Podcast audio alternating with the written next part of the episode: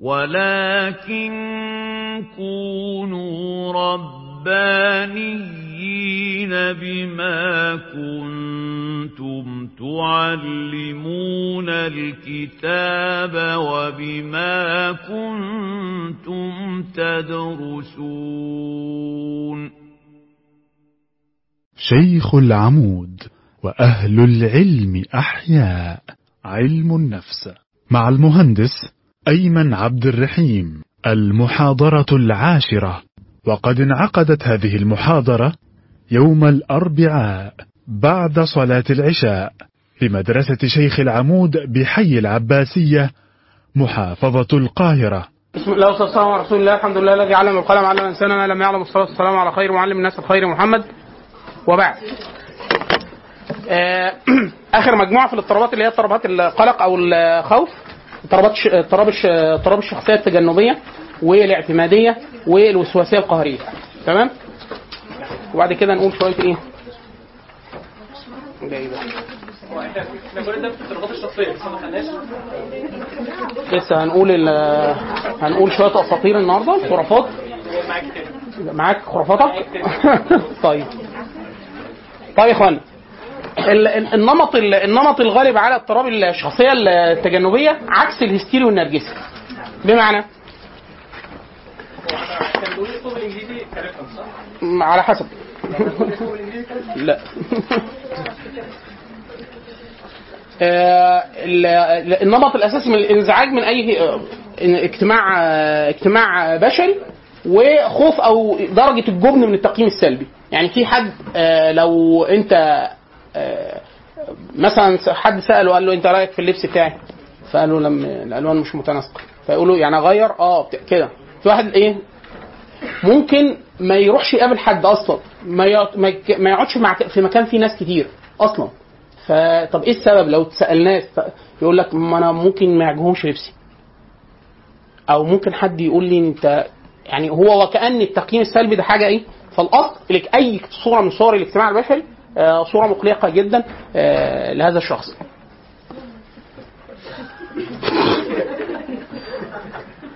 لا الشبشب هي يمنى يمنى ما بنمشيش هنا على السجاد آه، بال- بالشبشب. طيب. طيب السمات تفصيلا. واحد الخجل الشديد حساسية للنقد والرفض تقدير الذات الضعيف جدا للنفس. التجنبيه آه، مش يعني حب لعدم إقامة أي علاقات آه، حتى يعني أي حاجة خارج الأسرة وجوه الأسرة ممكن يكون مش لا اسكتي سكتي بقى. تمام؟ آه، ممكن لو في اجتماع بشري ممكن يظل صامت طول الوقت. آه، خوفا من هو يقيم اللي هيقوله بأن هو شيء ملوش لازمة أو شيء أو حد يستهزئ بيه أو حد يتريق على اللي هو قاله. آه، فبيتجنب بيتجنب أي تقييم سلبي بان هو ممكن يسكت آه، ما يتكلمش خالص. عشان كده إحنا أحيانا في ناس آه، آه، ودي. بعض الناس يجدها من آه، من نفسه يعني بس ما توصلش لدرجة اضطراب. آه، ممكن آه، في دكتور وهو بيحضر يقول لك أنا حضرت الأربع سنين كم الأسئلة الأسئلة الدكاتره الدكاترة سألوها وأنا أعرفها؟ كتيرة جدا. بس ولا مرة قلت. ليه؟ يقول لك خايف يطلع غلط. طب ما غلط يعني في إحنا دايما لو حد فيكم جرب إن هو يحاضر أحيانا أحيانا في أسئلة إحنا بنسألها داخل السياق عشان الناس يعني عايزين نستنطق الناس نوع من التفاعل نوع إن إحنا بنبقى عايزين نسأل السؤال ويتجاوب غلط. لأن الإجابة الغلط هي تتم للموضوع يمنى تروحها فين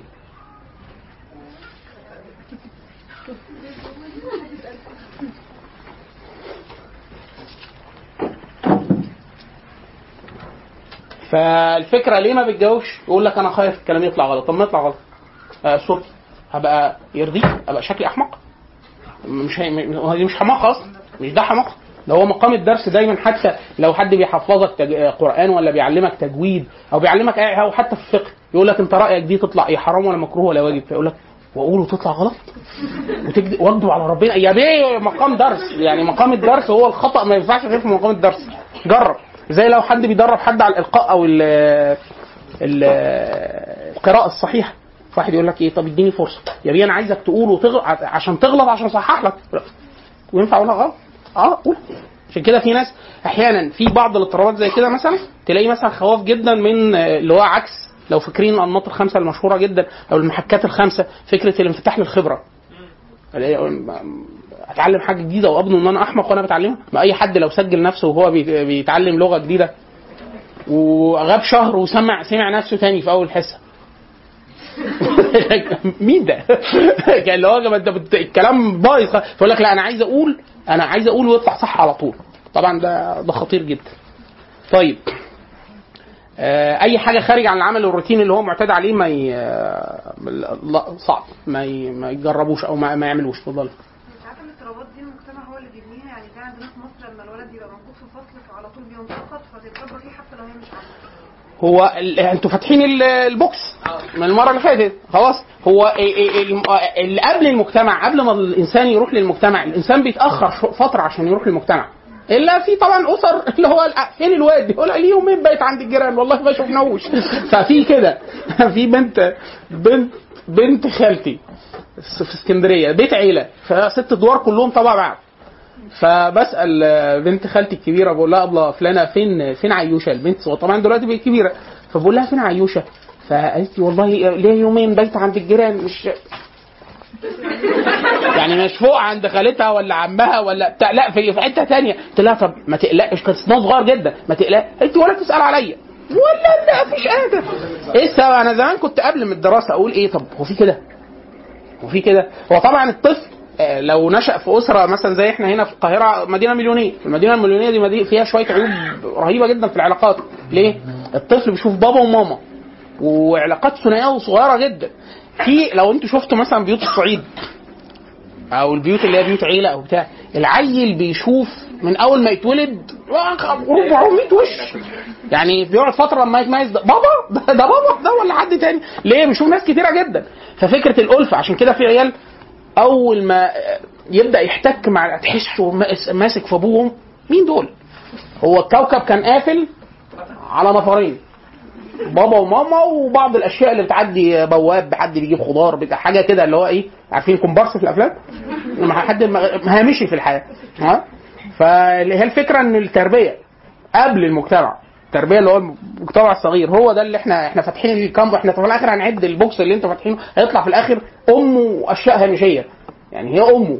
أو مش مش دايما إن إحنا نقول امه امه الإنسان أحيانا ممكن يكون اللي بيربيه مش أمه. إزاي؟ أيوه بالظبط. في حد بيقوم بدور الأم وفي حد بيقوم بدور الأب. عشان كده أحيانا في احيان بتبقى حاجة معكوسة. مع غياب طرف. في غياب طرف فيغيب فتلاقي وده حاجة نفسية. لما الأم بتغيب الأب بيبدأ ياخد كل صفات الأم. والأب لو غاب الأم بتاخد معظم صفات الأب. ده تعويض لوحده حتى دي ظاهرة نفسية معروفة. لو مثلا أنا شخصية آه، مثلا آه، قلوقة جدا وبتاع. لو مراتي هادية جدا لو أنا غبت تبدأ تعوض تاخد جزء اللي كان اللي أنا كنت مش آه، اللي بيأديه. عشان كده دايما بيقول لك يا أمه يا اللي بيقوم بدور أمه يا أبوه يا اللي بيقوم بدور أبوه. طيب نرجع تاني. فاللي هي ال- البيئة الصغيرة هي الاكثر آه، الاكثر آه، تأثيرا. طيب الش... ال- ال- ال- ال- اللي عنده الاضطراب ده اضطراب الشخصية التجن- التجنبية أكتر ناس بيبقى عندهم استعداد ليه؟ الإصابة بالفوبيات. وبالذات فوبيا السح... الساح بيسموها أو فو- فوبيا المساحات ال- التواجد في أماكن واسعة. يعني في حد آه، مثلا وده يقصد ده حتى ممكن تشوفوه اجتماعيا لو واحد نشأ في قرية. قرية. فقرية صغيرة قرية صغيرة جدا. القاهرة آه، أكبر من آه، تقريبا سبع أو ثمان محافظات مجتمعة. مجتمعة. خلاص الزحمة اللي ممكن إنسان مثلا في من قرية صغيرة جدا لما يجي القاهرة لما يركب المترو دي الزحمة اللي شافها من ساعة ما اتولد. في أول عشر دقائق دخل المترو. فعلا. دي الزحمة اللي شافها في حياته كلها. ففي ناس أحيانا آه، بيقلق جدا ويبقى خايف وبتاع. مساحة ده خوف. بعد كده في مساحة ثانية إيه؟ فوبيا. يعني في حد تلاقيه بقى عرق. ومش عارف يتحرك. إيه؟ أول مرة أشوف حاجة بالاتساع ده. أول مرة أشوف ناس بالعدد ده. أول مرة أشوف حاجة بالمساحة دي. في كده. يعني أنا فاكر خالي الكبير بيقول لي خالي كبير يعني فممكن يكون ده بد- بدري قوي الكلام ده. كان بيراقب على الإعدادية في ألو... في ألو... في الوادي زمان. فبيقول لي قعدت مع ولد في في إعدادية بحكي معاه كانوا هم بيراقبوا وبيصححوا. فكان الكلام بي- بيباتوا بيعملوا في معسكر بيباتوا في مدرسة وفي حوش وبتاع كان زمان أظن لغاية دلوقتي إيه زمان دي لغاية دلوقتي. خلاص؟ فبيقول لي الولد بيقول له أنت نفسك في إيه؟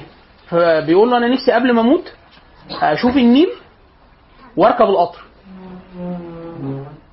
أشوف النيل وأركب القطر. فتخيل ده لو جابوه بس القاهرة. اللي هو إيه؟ هو كل ده ناس. زي إحنا إحساسنا لما رحنا اليابان بس إحنا طبعا فرق التعليم يمكن هو اللي فرق شوية. القه... لما حد بيكون من الأقاليم وبيجي المترو بيحس إن هو تاه. اللي هو إيه؟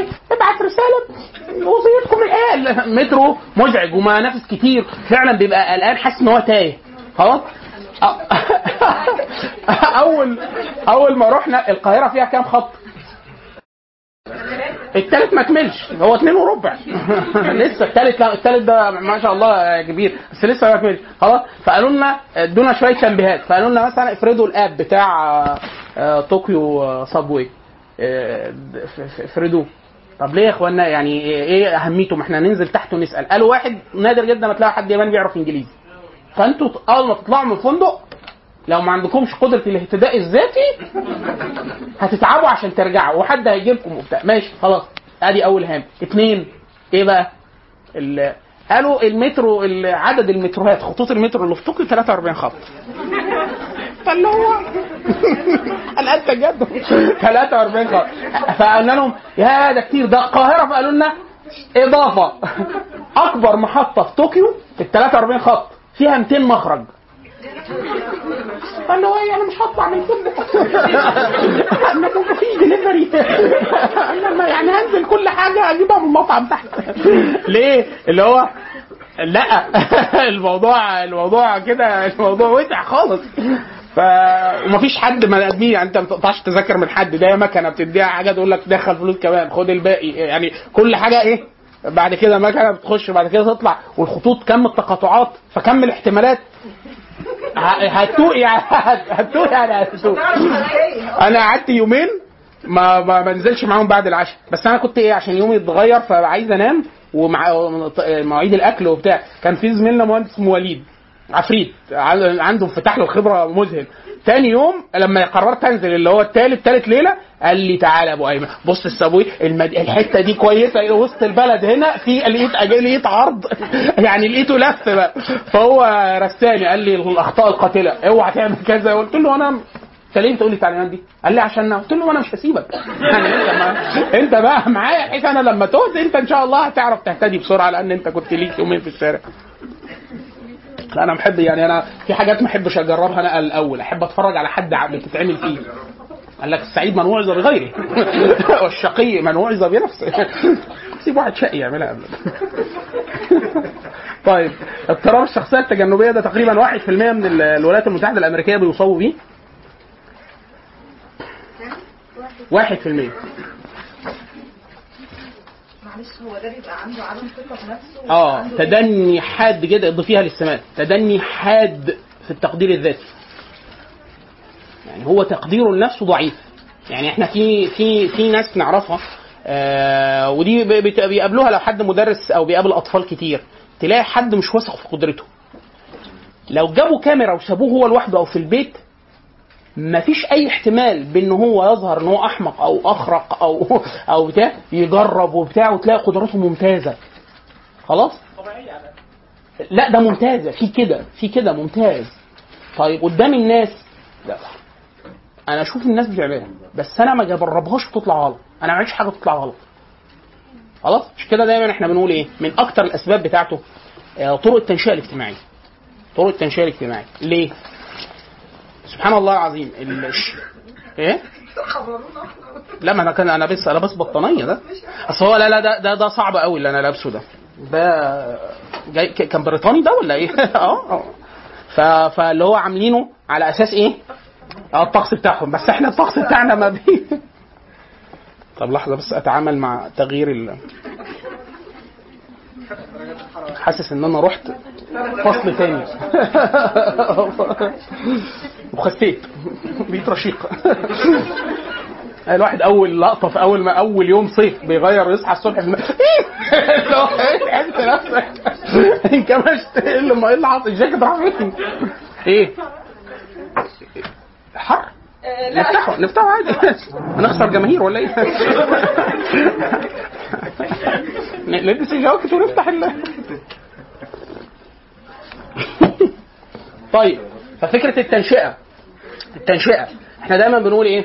إن في تنشئة فيها حزم شديد جدا في تنشئة فيها لين شديد جدا وفي تنشئة وسيطة. التنشئة اللي فيها حزم شديد جدا دي أحيانا أحيانا بتعمل ضغط جدا على الطفل. ليه؟ فكرة تقبل الخطأ. يعني إحنا دايما بنقول البيئات السوية فكرة تقبل الخطأ. مش منه بس. ده منه ده مهم جدا إن الطفل إيه؟ بس ما مش لدرجة إن هو يثاب على الخطأ. آه يعني اللي هو برافو برافو إيه برافو إيه برافو. هو كده هيتثبت عنده السلوك. ده مش برافو مش حلو ده. خلاص. الفكرة في إيه؟ إن هو إحنا بشر دي حاجة مهمة جدا لأن إحنا هنيجي عند اضطراب بعد آه، اضطراب بعد ولا قبله؟ إحنا قلنا في العكس النرجسية فاكرين؟ كلام عن النرجسية. الف- انت اديله حاجة ادي لو اديته صورة مش واقعية إيه اللي هيحصل؟ الغلط ده حاجة بشعة. عشان كده سبحان الله العظيم ال ال الإسلام. بسم الله الرحمن الرحيم آدم. بسم الله الرحمن الرحيم آدم. هو أول واحد ربنا خلقه وده ربنا خلق وآدم معلم. يعني واحد يقول لك لا لسه منا ما إدراكه. لا ما فيش إدراكه. إحنا الحديث بتاع حديث خلق آدم لما الله عز وجل نفخ في آدم في الطين طين آدم الروح هو الله عز وجل مثله في بداية من الطين ثم ظل على هيئته من الطين ثم نفخ. فالروح أول ما بلغت بس يعني خلاص وصلت ل لرأسي فأول حاجة قالها ان هو إيه؟ الحمد لله. يعني هو عطس فقال الحمد لله. فآدم معلم. خلاص؟ فآدم ده اللي بهذه الطريقة اللي ربنا خلقه اللي ربنا اسجد الملائكة اللي ربنا كلمه اللي ر... كل ده واخطا على طول. فالفكرة في إيه؟ إحنا بشر. خلاص؟ بس إحنا بشر إيه؟ بشر وفي قدر ما من المعايير بشر وفي قدر من التصحيح. فإحنا بشر. بنغلط والغلط ده قابل للتحمل ودرجات. فما ينفعش كل حاجة يبقى رد فعل واحد. حتى الطفل إيه؟ يعني يعرف إن في حاجة دايما إحنا بنقول. كل السلوكيات اللي المفروض الطفل بيعامل بيها حتى يبلغ هي السلوكيات الممهدة لتلقي خطاب صاحب الشريعة. ده لو مسلم. ودي النعمة. إن إحنا آه عشان أصل واحد لو واحد غير مسلم هيقول لك إيه؟ ده مش موجود عندي. عشان كده هو بيحط منهج تربوي يتناسب مع فلسفته اللي يراها صواب للبالغين. إحنا أنا عايز يطلع إيه؟ مواطن صالح. لا ما إحنا المواطنين الشرفاء والصالحين مالين الوطن. إحنا عايزين نوع تاني. خلاص؟ فأنا عايزه مسلم. المسلم ده فأنا عايز أدربه على خطاب صاحب الشريعة. فواحد هل الإسلام كله. كل الحاجات في درجة واحدة من الحرمة؟ لا. كل حاجة من درجة العقوبة واحدة؟ لا. كل حاجة من درجة الجرم واحدة؟ لا. حتى غضب النبي صلى الله عليه وسلم آه للأشياء وال... فده محرم ده مكروه ده يعني درجة. حتى السيدة عائشة وده من الخطاب المهم جدا اللي يخاطب به الناس إن هو مش زيرو واحد. الناس بيقول لك لما بتتعلم فقه إيه الفقه ميزته انه بيضبط بيضبط لك إيه؟ بيضبط لك الح... آه ده حلال ولا حرام ولا مكروه؟ عشان كده طبعا السادة الاحناف في تلاقي الموضوع واسع منهم شوية اللي هو ثمانيه آه فتلاقي إيه؟ تنزيه. مكروه؟ تنزيه. مكروه تحريم الحاجات إيه عمالة إيه؟ واجب. مش واجب فرض. هو واجب. يا حاج الحاجات أنت بتجيب حاجات مش موجودة عند اللي ما خدناش في الكلاس السادة الاحناف طبعا قسم عندهم إيه؟ أكثر تشعيبا أكثر تشقيقا يعني فالفكرة في إيه مش كل حاجة مرة واحد شاف السيده عائشه بتعمل حاجة وارد فيها نهي النبي نهى عن كده فقال لها إيه؟ قال لها ألم ينهاكم رسول الله فهي بصت له اللي هي إيه؟ ده مش. ده ما حضرش ما حضرش ما حضرناش فقالت له إيه؟ قالت له نهانا ولم يعزم يعني أنت ما كنتش حاضر ولا إيه؟ إن هو كل النهي درجة واحدة وكل الأمر درجة واحدة ما كان كان مش حد غلب عشان كده الناس حاليا تعبانة جدا ليه؟ الشيخ علاء عبد الحميد كان ليه كلمة حلوة جدا. كان بيقول إن إحنا لتقلص مساحة الفقه. الفقه الدراسي. يعني حد نادر جدا ما حد بيدرس فقه. نادر. فعلا. يعني واحد يقول لك لا إحنا في شيخ العمود كلنا بندرس. ده ده ظاهرة فيزيائية خاطئة. أنت. وعليكم السلام ورحمة الله وبركاته. إن أي حاجة أنت بتمارسها الفيسبوك بيعمل لك نفس الخدعة. ان دايره انت بتحس الناس كلهم محترمين. وان الناس كلهم اللي هو اللي هو الشوال اللي انت بتقابلهم هنا دول كلهم هيتمسكوا. انت ما يغركش. دول كلهم هيتلموا كلكم إن شاء الله. فليه إيه؟ فليه فكرة ما يغركش ما يغركش ال- الناس اللي انت ماشي معاهم دول. في ده مغيب تماما. مين اللي بيربي المساحه دي عند الناس؟ الواعظ أو القصاص. الشيخ علاء فعلا الكلمة دي مهمة جدا. عارفين الشيخ علاء حنفي. فش إيه؟ آه ما أنا أقول لك. أنا مش هقول لك تعرف علاء آه خلاص اساله على الجملة. قال لك ما تعرفوش خلاص ما دام ما تعرفوش هتهمك الجملة.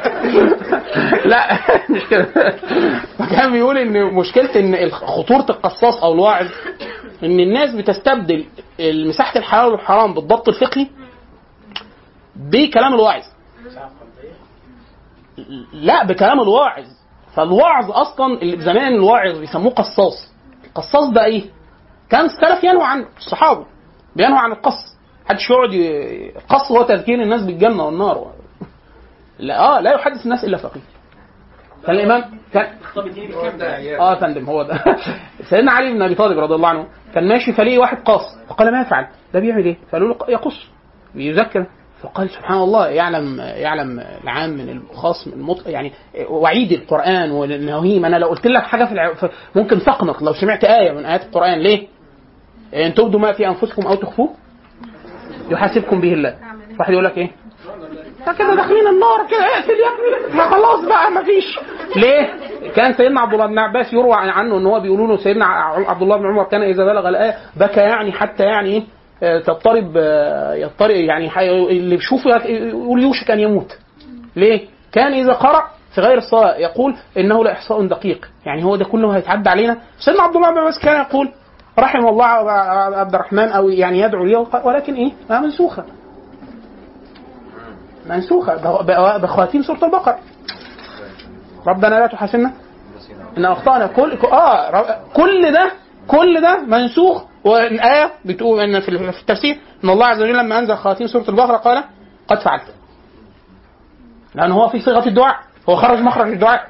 بس هو دعاء معلم لبني آدم زي الحمد لله رب العالمين. يعني أنت قول ده. قول ده خاطب الله عز وجل. أنت احمده وأنت ادعوه أن يهدي يهديك الصراط المستقيم. وهكذا. خرج مخرج. أنت اللي تقوله. ناسخة للآية. ما هو الآية في. في أسباب النزول إن الآية لما نزلت هذه السورة أشفق الصحابة فجاءوا النبي صلى الله عليه وسلم قال يا رسول الله لا نقدر إذا هنتحاسب على يعني إحنا إيه؟ إحنا أنا أقول أي حاجة في أي حاجة تمر على الخاطر كده وحسب بيه فالنبي صلى الله عليه وسلم غضب قال يعني أنتوا هتكونوا زي بني إسرائيل واليهود والنصارى تنزل عليهم آيات الذكر وكذا. قولوا سمعنا وأطعنا. فالصحابة فهموا. دايما صدر البقرة كلها كلام عن إيه؟ لا يقول لك كاد القرآن يكون لموسى كل بني إسرائيل. كل بني إسرائيل لغاية سيقول السفهاء. في بعض بعض العلماء بتوع المناسبات يقولوا إن كل ده كان تقدمة أي لا تفعلوا مثل ما أخبرتم به عن بني إسرائيل. ليه؟ عمال يقول لهم من أول السوره من أول السوره يقول لهم إيه؟ تذكير لبني لبني إسرائيل. بإن هم إيه؟ فضلوا بكذا كذا وربنا أنجاهم من ألف. انت عمال تقول هو هو الخطاب ده في المدينة. الخطاب ده في المدينة. إيه قصة بني إسرائيل كتير قوي دي؟ عمال شغال شغال شغال شغال شغال شغال. وبعد كده عمال يقول إيه؟ وإبراهيم بقى لا يهودي ولا نصراني ولا مشرك. هو إيه الحكاية؟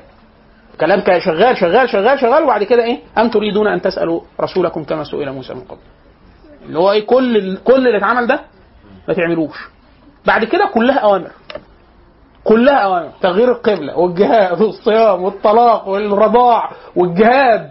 والقصاص والصوم وال وال وال آية الدين كل ده كله نازل بعد إيه؟ شفت بني إسرائيل؟ شفت المقت؟ شفت الغضب؟ شفت اللي حل بيهم؟ آه ما تعملش كده. وبعد كده إيه؟ نزل إيه؟ نزل الكلام. طيب نرجع تاني.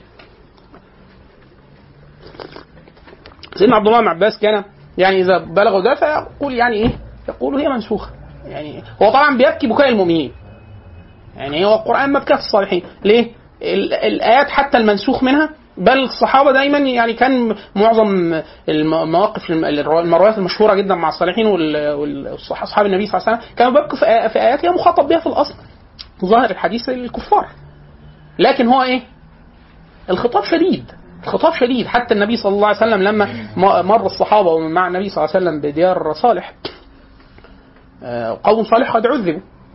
فهم عدوا على مدائن صالح في في ال- في السيرة مع النبي. فالنبي صلى الله عليه وسلم قال لهم أنتوا هتقبلوا على آه، مدائن صالح. فتمروا بسرعة وتنكسوا رؤوسكم وإبكوا. يعني لو لو حد اللي يقدر يستحضر بكاء يبكي أو تباكوا. اللي ما يحضروش بكاء يتباكى. يستحضر البكاء ينفعل بالبكاء. ليه؟ فأنت بتشهد موضع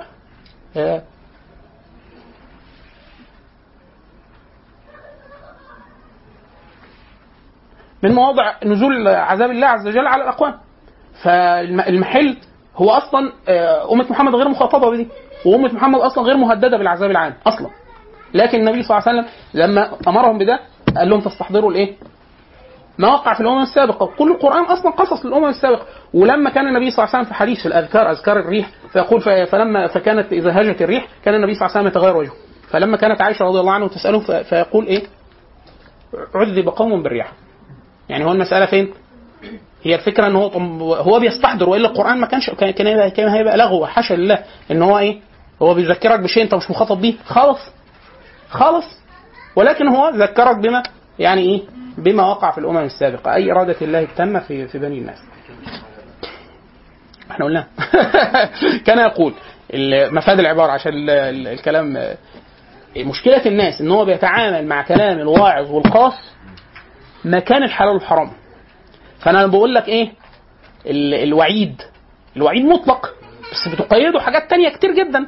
بس في الكلام المحبوح الواسع ملوش مقيدات. في الفقه. في الفقه. تلاقي المسائل إيه؟ بالشروط واحد اتنين تلاتة أربعة ومش عارف إيه. بتاع. الكلام اللي بالكيلو بالجمله في القص بيدي انفعال. فالانفعال بيعظم جدا في قلبك بيعظم جدا في قلبك لدرجة إن أنت تحس إن أنت لو خالفته تخالف محرم وهو مش محرم. وهو مش محرم. زي بالظبط إيه؟ لو أنا واعظ وقدامي نساء فأنا باب التلطيف فأقول لهم ما تخليكم حنابلة. فأقول له أم- ليه؟ اشمعنى؟ فأقول لهم مثلا تعدد الزوجات في المذهب الحنفي مكروه. والله اشترينا. خلاص. هو هي عجبتها الكلمة يقول لك إيه؟ مكروه يعني هيولع هيخش النار لو جا. يا يا حاجة مكروه أي حد. أي حد يسمع تعريف المكروه ما ما حصلش حاجة يعني مش هتسخط قرد مش هيولع آه، مش هيورد على جد كل ده مش مش تعريف المكروه. تعريف المكروه إن هو إيه؟ اللي لو عملته لا يأثم ولو ما عملوش يساب خلاص. بعد تقول طب مش انت مش عايز تساب تساب بره على المسجد. اوزع مصاحف واتجوز. خلاص. ف... إيه؟ فلاحظ الفكرة في إيه؟ إن هو إيه؟ هي إيه؟ آه لا مكروه. آه الشيخ قال مكروه. يعني هتخش النار. حرام.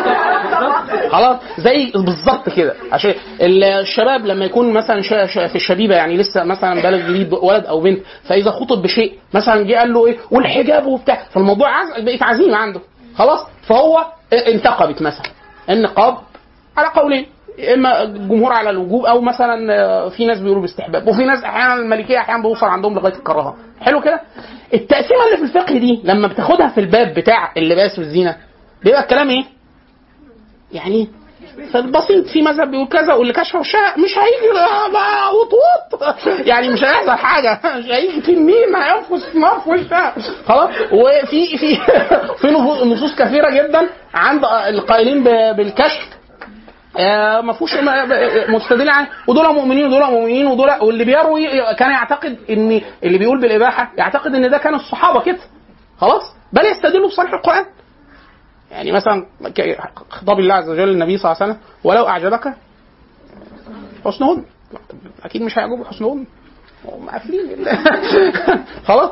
فواحد يقول لك يعني ما كانش حد فيهم منتقد؟ كانوا منتقدين. آه والله كان موجود. كان موجود. هو الخلاف فين؟ خلاف في الفقه. يعني يعني في حد بيقول حلال وفي حد بيقول اللي قال حلال ده إيه؟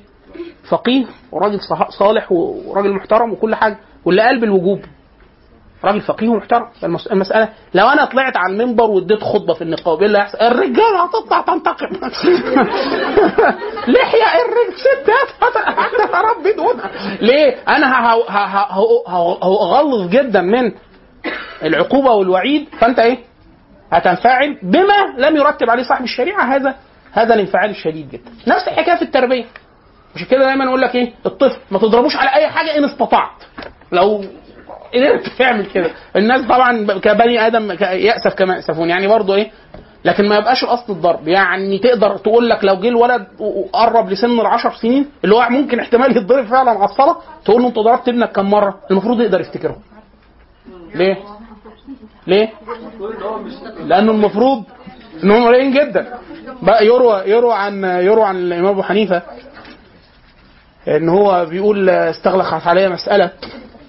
فقلت والله ما هذا إلا من ذنب قد أصبته. فتذكر قعد جلسه كده تأمل آه لا أنا عملت كذا فقام فتوضأ فصلى ركعتين فاستغفر ففتحت عليه في المسألة وبتاع. فلما روي روي- رويت الرواية لسفيان الثوري صاحب الرواية يقول بكى حتى يعني طال بكاؤه. فقال هذا رجل خف الذنوب أو قل الذنوب فعلمها أو تذكرها. يعني ده ده, ده عددهم ده عارف انت لو واحد فينا قالوا له آه، ده من ذنب أصبته. حاج انت بتتكلم فين؟ فين؟ أنا وجودي شخصيا كده المجتمع اللي إحنا قاعدين فيه ده خطيئة لوحده. المجتمع ده كبيرة من الكبائر لوحده مش أنا يعني مش مجرد أنا بس تاني حاجة فين ده تعده فهو إيه؟ فكرة لما أقول لك ضربت ابنك هتقول لي آه والله أربع مرات تهورت كده في حد تقول له إيه انت ضربته كم مرة؟ أقول لك لا ده لا طبعا ما, ما أفتكرهمش. أنا أفتكر الحاجات اللي هي إيه آه، قطع آه، غرز آه، أشياء ساخنة أدت إلى تسلخات كهرباء الحاجات اللي هي إيه؟ آه يعني حطيت له شطة في عينيه مثلا. قعدوا يعالجوه فترة ثلاث شهور حاجة كده. طيب نرجع تاني. فالغلو الشديد جدا يسموها الغلو الشديد جدا في الضبط. في الضبط. أحيانا اللي هو عدم ترك المساحة للتعلم والخطأ وبتاع مش عارف إيه آه، ده بيخلي بيخلي الطفل كل فترة بقى إيه يزيد المستوى التجنبي التجنبي التجنبي لغاية ما في إيه؟ واحد طب واحد يقول لك بس أنا من طول من عمره من هو الولد آه، خجول. آه ممكن يكون هو مقبول كده. بس في فرق كبير جدا بين الحياء والكسوف البسيط وفي فرق بين إن هو إيه يوصل لدرجة أصل ده بعد كده ممكن يقلب. يا إما اضطراب يا إما صعوبات تعلم يعني هو أصلا الطفل ممكن يخ... ده يقفل له باب التعلم بالرغم إن هو ممكن ما يكونش حصل حصل له حاجة حاجة شديدة يعني. خلاص؟ طيب كان حد رافع إيده. يعني بنعرف ناس كتير ممكن يكونوا تعرضوا من اهاليهم للضرب بشكل مستمر؟ لا ما تقوليش نعرف ناس كتير. هو كل الناس كده. لا ما يعني ما السؤال بنيته آه، مراوغة. لا. إحنا الجيل بتاعنا إحنا كده كله ده داخل آه. أنا بتكلم بالذات على الجيل بتاعنا مش هتكلم على الجيل ده, ده إحنا حاليا دلوقتي مرفهين بنتكلم فين؟ حاليا إحنا أي حد من أبهاتنا أو أجدادنا لو حد اتقال قدامه كلام اللي هو الكلام إحنا زمان اتضربنا وطلعنا أسواق ما هو انت يا جدو مش انت مش مصدق إن أنت مش سوي ما هو ده ده اللي أنا مكسوف أقوله لك. أنت عندك اضطراب في الشخصية. افتح الدليل صفحة 132 هتلاقي صورتك. يعني أنا ممكن تتاخد عينات في سايكولوجي. فانا مش أنا مش عايز أحرجك وأقول لك يا بابا أو يا ماما يا جدو إن أنت مضطرب يقول لك والضرب ما حصلش. حاجة قول بص حصل؟ كملي ما حصلش حاجة هو طبعا حصل أنا بقول لك حصل بس ما تقولولوش ممكن يكون عنده اضطراب اللي بتكلم فيه بعد كده مش بتكلم على الجيل ده اللي هو اوريدي كان طول أنا بتكلم على الجيل إحنا اللي نفذنا بعد الضرب إن إحنا لم لم ننفذ بعد. قضية الدولة إيه؟ اللي ما ربوش أبوه وأمه تربيه الدولة طيب. هذا الشخص نقدر نعتبره إنه يعني تعرض لأزمة ما وقدر يتجاوز ده. لا لا مش لازم يكون يتجاوز. لا يعني ممكن يبقى سوي؟ آه. في إمكانية إنه يبقى سوي في وقت آه آه. حياته طبعا طبعا. بص يا بص يا فاطمه بص يا فاطمه انت بنتي انت بنتي يعني تعز عليا. هقول لك حاجة. بصي في قولي لهبه عبد العزيز الشيخ قال إن أنا بنته من غير ما أعمل أي هقول لك من غير من غير أي إضافات. بصي في في في في مستويات حتى في في في التعا- التعامل مع النفسيين. يقول لك إحنا في مساحة حد بيلجأ لحد بيسموه التوجيه النفسي. التوجيه النفسي ده بيقول لك إيه؟ يقول لك أنا عندي آه، كذا احتمال في الدراسة في المهنة في الزواج وبتاع آه، دي ولا دي ولا دي وبتاع. ده بيبقى شخص. مش سوي يعني ما حدش فينا سوي قوي يعني بس إيه يعني نجا من جميع هذه الأفخاخ فخ الأدغال الكهرباء الحاجات اللي زي كده وبيسأل عن سؤال دي ولا دي؟ بتاع يعني عنده إيه ما خلاص؟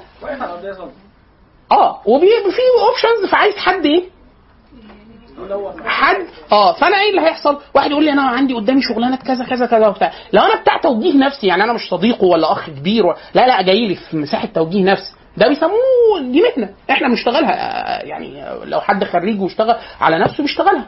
يقول لك إيه؟ تعال حضرتك اسمك إيه؟ وبتاع ياخد بيانات يسالك شوية أسئلة يعمل لك شوية اختبارات ويقول لك والله لو كذا مهنة دي أو دي أنا بقول لك إيه؟ دي والعلل العلمية بتاعتها 1 2 3 4 خلاص؟ لا مش ملاحظة هو المفروض يكون في كده بس عشان التحسن. ليه؟ لأن في كتير جدا كده بس نصابين بنسبة 120% نصابين. آه ممكن أجيب لك حد مش نصاب. آه لا لا ممكن. خلاص؟ فدي المساحة. دي مساحة اسمها إيه؟ توجيه نفسي. المساحة الثانية اللي هي أعلى منها شوية، يعني الموجه ده عشان بس المساحة تبقى واضحة، أغلب إن هو معاه أدوات إحنا بنسميها أدوات قياس أو تقييم، قياس وتقييم، لأنه دول درجتين قبل التقويم. تقياس وتقييم أقدر أنت تجيلي أعرف نمط شخصيتك؟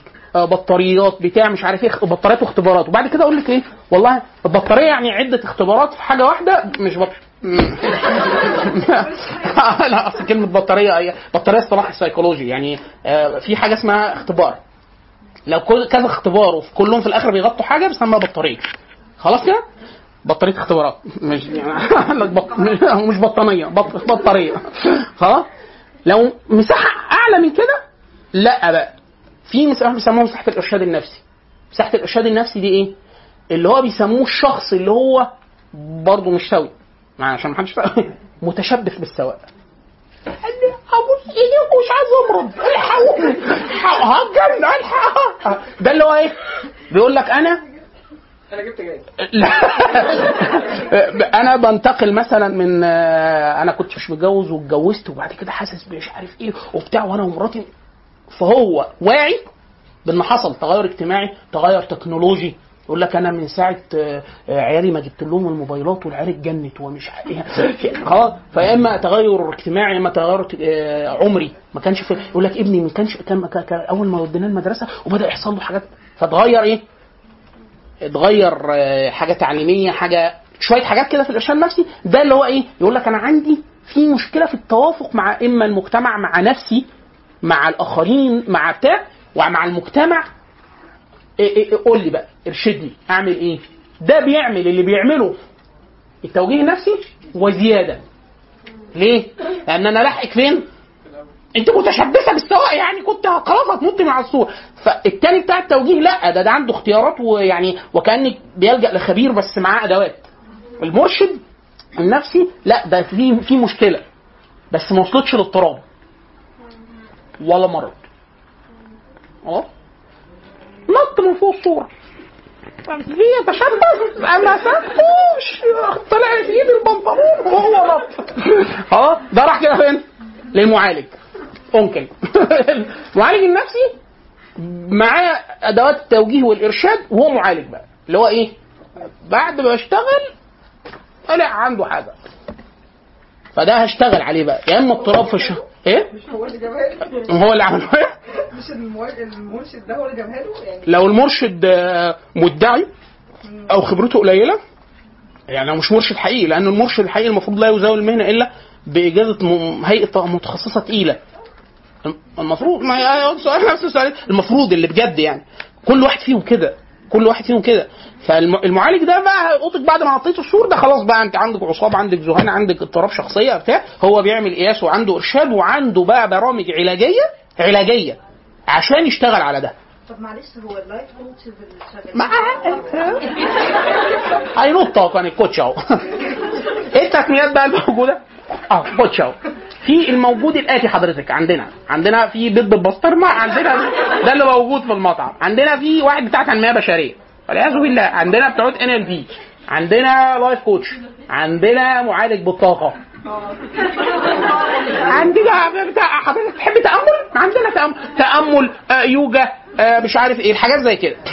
دول كلهم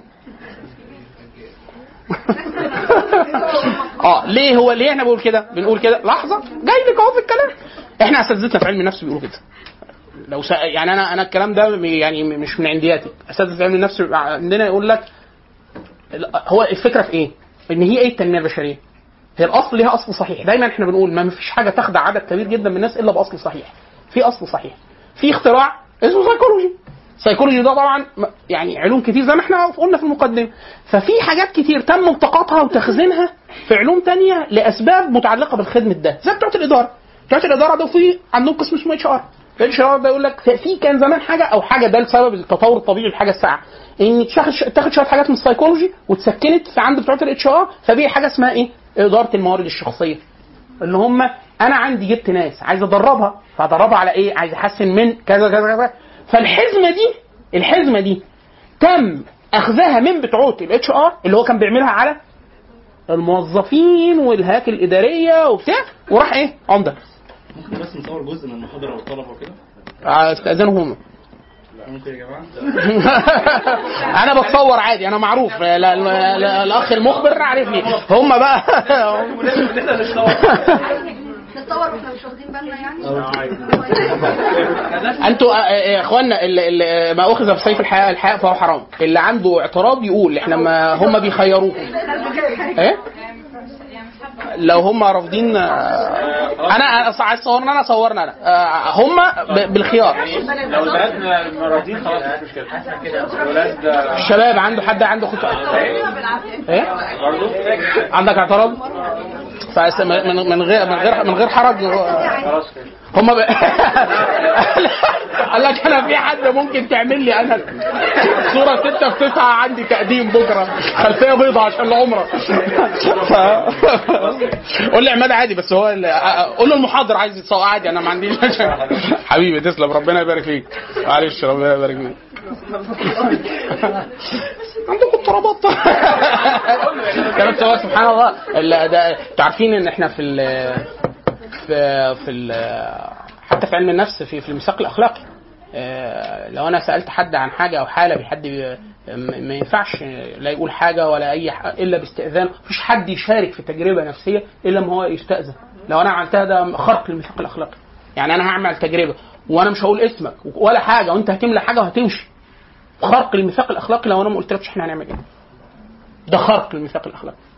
خلاص؟ فهو الح- الموضوع سبحان الله ما اخذ في حي غير ما ما- إيه؟ في تجارب بتتعمل من غير ما في تجارب كتير بتتعمل. لا, لا أنا بقول لك بقول لك الإيثيك كود بتاع المهنة في كده. والغريبة إن إحنا بندرسه وإحنا في أولى. بس ده ممكن ده أصلا بيغ... ده ده ده بغض النظر اخلاقيا. لا لا لا في طبعا في طرق في مناهج البحث عشان تعمل ده. لكن على الأقل ومش لازم تعرف إحنا بنعمل إيه. بس يقول له إن إحنا هنعمل حاجة. هو الفكرة إنه أحيانا بس كثقافة مجتمع المجتمع مش هيسمح لك إنك تعمل بحث فيه. فأنت الناس بتدي لنفسها الحق ده ما بقولش إنه صح. الناس بقول في حاجة بيسموها الملاحظة غير ال يعني في قدر ما من ال- الحاجات الأخلاقية لأنه أنت ده تعدي يعني من الناحية الفقهية ممكن يتكيف. طب معلش غاب مش موافقته. هتجاوب إجابات معينة عشان هي عارفة إن ده رايح ما هو عشان كده ده بي- بيتعمل عليه أحيانا بيتعمل له شوية تحفظات في مناهج البحث عشان نضمن آه، إن هو ما يغيرش الحاجة اللي إحنا بنرصدها فيفسد التجربة.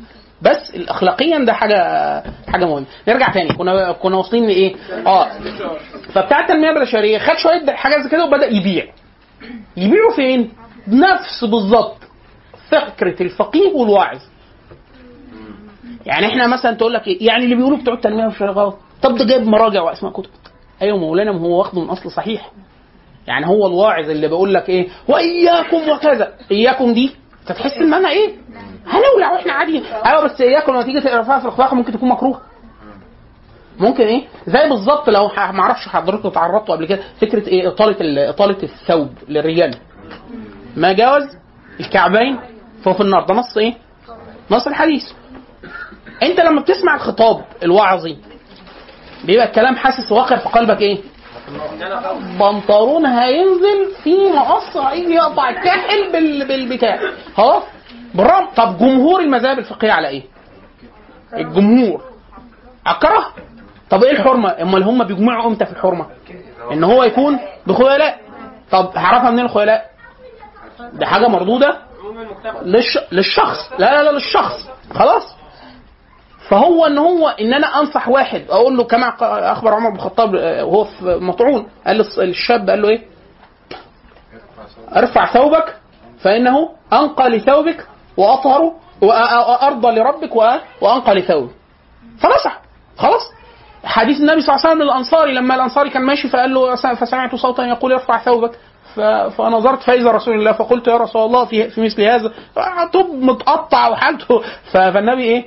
قال له أليس لك في أسوة؟ وأشار إلى ساقيه الشريفتين فإن هو النبي صلى الله عليه وسلم كان يعني توبه قصير. فالشاهد ان هو إيه؟ الخطاب الفقهي. هتلاقي يقول لك إيه؟ اللي قال بكذا والحد وبتاع قصة. لما أنت تسمع التطبيق أنت من جواك هيبقى ب- لما بتشوف حد حاجته طويلة. بنطلونه طويل. هيولع. دلوقتي هو واقف. إيه هيولع. خلاص؟ وهكذا. لو أنا شفت واحد ماشي بشورت.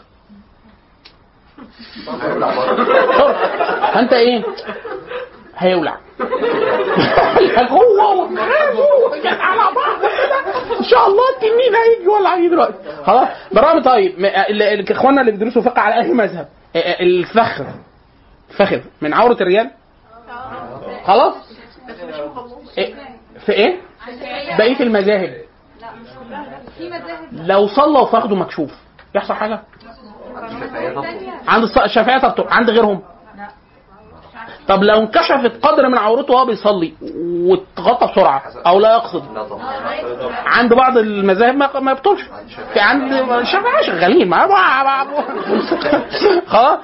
فالقصد إيه؟ إيه الفقه؟ الفقه بيعمل إيه؟ عند الإنسان.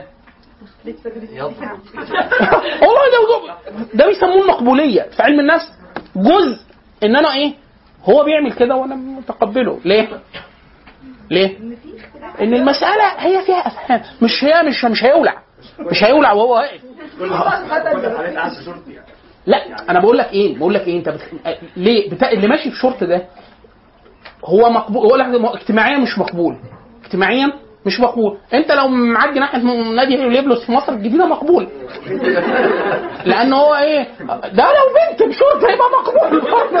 طبعا مش مقبول عند اي حد لكن الشاهد إنه ممكن ده بيته هنا وطالع هنا ولو حد فيكم بالذات الشباب لو جرب مساحة نادي نادي تلاقي الناس متخففة أكتر من هو من الثياب للرجال. فتلاقي ممكن واحد إيه لو أنا مشيت بفلنا حمالات. ابقى شكل غريب. لو واحد ماشي جنبك بتاع مصارع روماني ولا جمباز أنت مش حاسس إن هو بيعمل حاجة خلاص؟ القصد إن الفقه بيخلي الإنسان إيه؟ صدره يوسع. ليه؟ لأن هو عارف إن اللي حرم ده ده اجاز وإن ده واحد يقول لك طب ما الدنيا كده بقت لخبطيشن مش مش لخبطيشن ما هي فكرة إيه؟ انه ده مقبول. مقبول عند حد تاني من المسلمين. واحد يقول لك ده هو عاملها بس ما يعرفش إن في حد اجاز أيوه. خلاص يبقى إيه؟ خرجها على الاجاز خر... لا خرجها خرجها على إيه؟ خرجها على اللي قال بالاجازه يعني ما, ما مرة واحد سأل واحد من الصحابة قال له "أسا- ألقي السلام على حد من اليهود والنصارى؟ فالحديث بيقول إيه؟ لا تبدأوا. اليهود والنصارى بالسلام. فالكلام اهو النص شديد. كان حديث عائشة يعني نهانا ولم يعزم فالصحابة قال له إيه؟ أو تابعي كان عذر تابعي. فقال له إيه؟ قال له إن تسلم فقد سلم اناس صالحون. وإن تترك فقد ترك أناس صالحون. يعني هو إيه؟ في ناس بتقول كده وفي ناس بتقول كده. فالشاهد اللي إيه؟ لو هو عارف كده إن إيه؟ يعني مش لو أنا بسلم على النصارى كده مش هيجي حاجة تكون أنا وهو مثلا. أنا كنت لا مش هيحصل حاجة. إيه السبب؟ فإن تسلم فقد سلم أناس صالحون وإن تترك فقد ترك أناس صالحون. نرجع تاني. فهو سبب واحد. إيه؟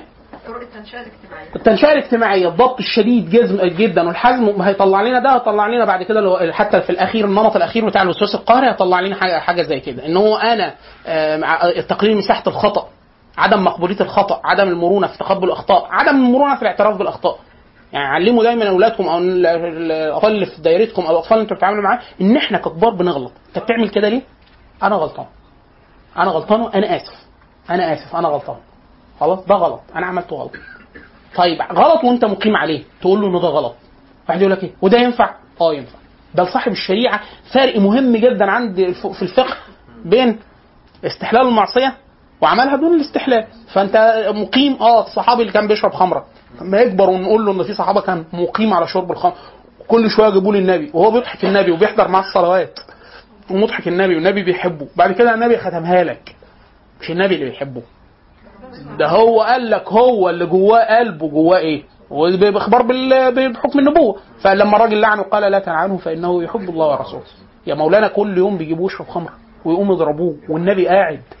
وده بيحب الله ورسوله. فالنبي قال لك قالها لك هو. خلاص؟ فده بيخلي إيه برضه؟ بعض القصص اللي زي كده غلط إن هو ي- شوف يا مولانا دايما يقول لك الفقيه الفقيه من لا يقنط الناس من رحمة الله عز وجل؟ ومن لا يجر ومن لا يجرئ الناس على معصية الله عز وجل. يعني أنت واحد يقول لك إيه ما أنا قلت له كده إيه هيطمع. خلاص؟ هو اللي أخبر بده صاحب الشريعة النبي. وهو بيقول كده. قال إيه؟ قال حدث الناس على قدر عقولهم لو أنت خاطبت الناس كلها بخطاب الترهيب إيه اللي هيحصل؟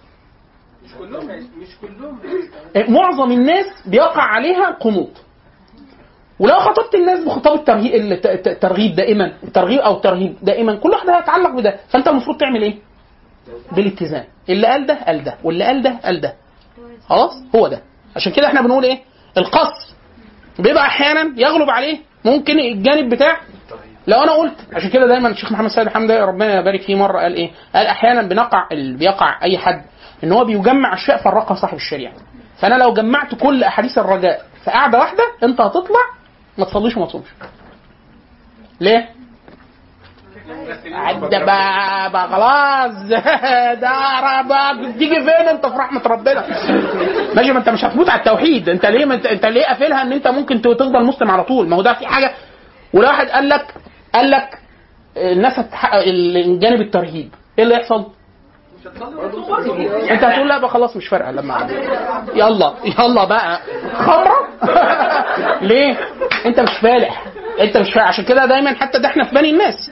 لو واحد لو انت قعدت تقول لواحد تقول له انت فاشل ومش هتفلح ولو مش عارف إيه اللي يحصل يقول لك إيه؟ are you sure؟ آخرك؟ آه طب خلاص سيبني بقى. سيبني بقى. آه. طيب نرجع تاني. ال- ال- الأساليب العلاجية؟ ال- العلاج السلوكي. العلاج السلوكي بس اللي هو إيه؟ في تدريب شديد جدا على التعبير والمهارات الاجتماعية. عشان كده في واحد بيجي يقول لك إيه؟ أنا عندي واحد اثنين ثلاثة أربعة وبحس إن أنا بخاف. وقال لك الأعراض. خلاص؟ إيه بقى؟ عايزين ندربه زي بالظبط لو واحد يقول لك إيه؟ أنا لو جبت لي لو أنا قعدت قدام حد كده أكتم. مش عارف مش قادر أتكلم. مش عارف الناس كلها باصة. ده بيعملوا إيه؟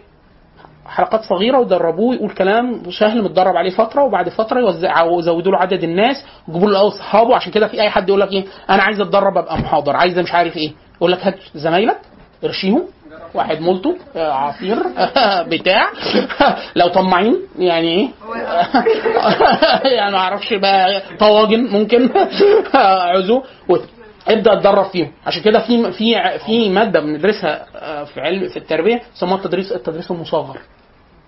أنا هبقى مدرس وأقعد ساعتين أقول درس. ده يعني أنا نور بس خلاص ما تنهارش من 10 دقايق لربع ساعة. آه حلوة دي.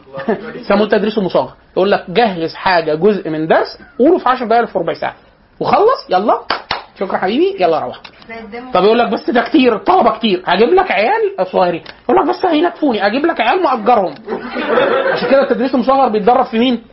من 10 ل 15 دقيقة في زمايله اللي هم مدرسين. يجرب فيهم حاجة. يقول لك إيه؟ يقول لك عشان تنكسر إيه؟ الرهبة مع الجمهور وبعد فترة ألاقي نفس الكلام إيه؟ حلو وبعد كده جر... أقول لك إيه؟ هجيب درس تاني لا هات خليه هو نفس الدرس يعيده تاني بحيث إيه؟ فلو قعد حس نفسه بيتحسن تبدأ إيه؟ فالتدريب السلوكي التعبيري والعلاقات الاجتماعية والمهارات الاجتماعية بيزيد الثقة آه، في النفس وبينزع الحساسية من الشخص. أيوه أنا عندي سؤال في النقطه اللي حضرتك كنت بتتكلم فيها إن هو لو حتى لو حتى لو مقيم على المعصية فهتقول للطفل إنها غلط. هو مش مش السن ده هو مش ما عندوش الفرق اللي إحنا بنتكلم عليه بتاع خطاب الوعظ الخطاب الترهيبي والخطاب الترهيبي لا ما هو السلوكي بقى اللي أنت بتعمله. بس هو أحيانا بيشوف بيشوف إن أنت واحد يقول لك إيه ما ت... أنت هتعمل حاجات ما تبقاش متناقض قدام الطفل. بالظبط هو دي النقطة. خلاص؟ طب أنت بني آدم هتعرف تضبط ده؟ لا. يعني أنت مثلا بتقول له ما تزعقش وما تعليش صوتك. مش صح كده؟ انت هتقعد مش هزعق مش هتعلي صوتك خلاص؟ لو جه هو قال لك انت إيه اللي بتعمله؟ تقول له إيه؟ هنا بقى السؤال. تقول له أنا إيه بقى؟ طب ما هو شرط يعمل الحاجتين بس أنا عايز افهمه. واحد ان أنا بشر اثنين إحنا بنعمل اشياء وبنخرقها أحيانا بس طول الوقت بنعمل إيه؟ هو ده فكرة. اخوانا الاطفال الناس بيقول لك هو الطفل هيفهم؟ طفل ده يوديك ويجيبك. يومنا النهارده وأنا داخل من البيت جاي كان عندي محاضرات علم نفس وبتاع فجايب كتب. يعني هخش البيت بإيه؟ كيس جوافة؟ كيس مانجا؟ مفيش. فجايب كيس كتب. فقالت لي جبت كتب تاني؟ مش لما نخلص اللي جوه؟ والله يا أمك زمان آه والله فعلا الأمر بالمعروف والنهي عن المنكر من السن ده. لا بس ده مقلق. اللي هو لا لا البنت لو لقطت موضوع الكتب ده ده هت- هت- هت- هتقلق جبت كتب جبت كتب تاني؟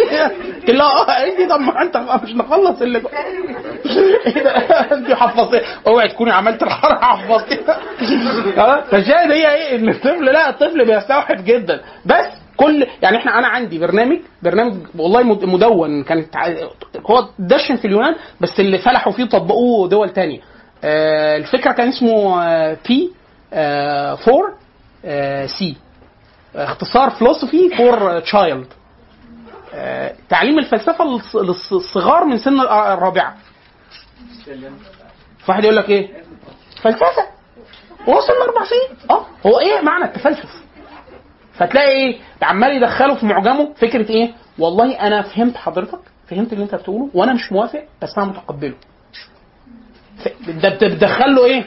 بتدخل له فكرة التفكير الفلسفي. يقول لك طب ما تيجي نفكر. آه والله العظيم إحنا نخش ده. لك بي فور دي دونكي قال لك ده الكبار اللي زينا. قال لك عشان إحنا بهايم فانتم محتاجين نتعلم قبول الآخر.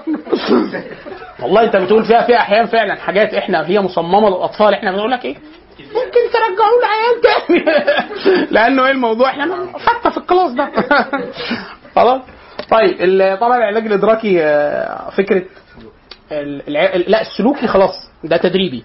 الإدراكي أنت بتغير له يعني أنت بتناقشه في المفاهيم بتاعته. إدراكه للعالم. هو إيه؟ فاكر إن فاقول له إيه مثلا؟ في واحد يقول لك أنا مش هروح ليه يعني هسقط فده واحد محتاج حد يقعد معاه يقول له إيه؟ يقول له. لا هتضحك يا فاتح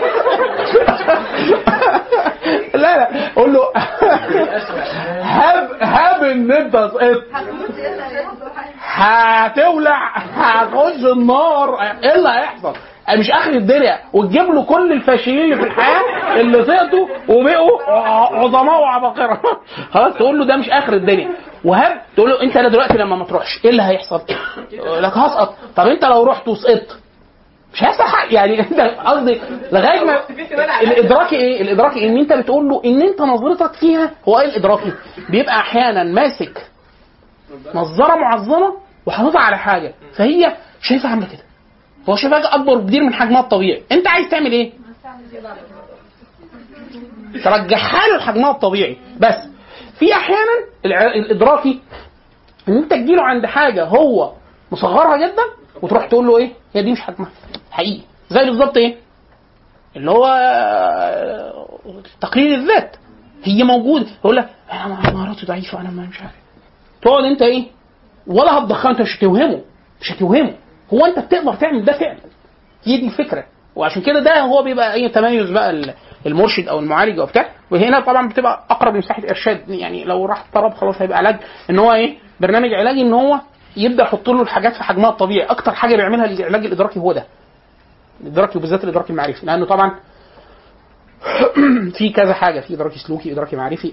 شوية حاجات. لازم يعمل الادراكي الأول قبل السلوكي عشان هو مش هيرضى أصلا يروح للسلوكي. آه مش لا بالضروره مش هو خايف يتكلم أصلا. ما هو اللي بيعمل مين اللي بيحدد ده؟ المعالج. إحنا دايما إحنا بنقول إحنا الكلام هنا الكلام بحبوح يعني هنا كده أخدت فكرة واشتريت بكرة. لكن هو المعالج هو اللي بيحدد حدة الشيء آه، مداخله أسبابه.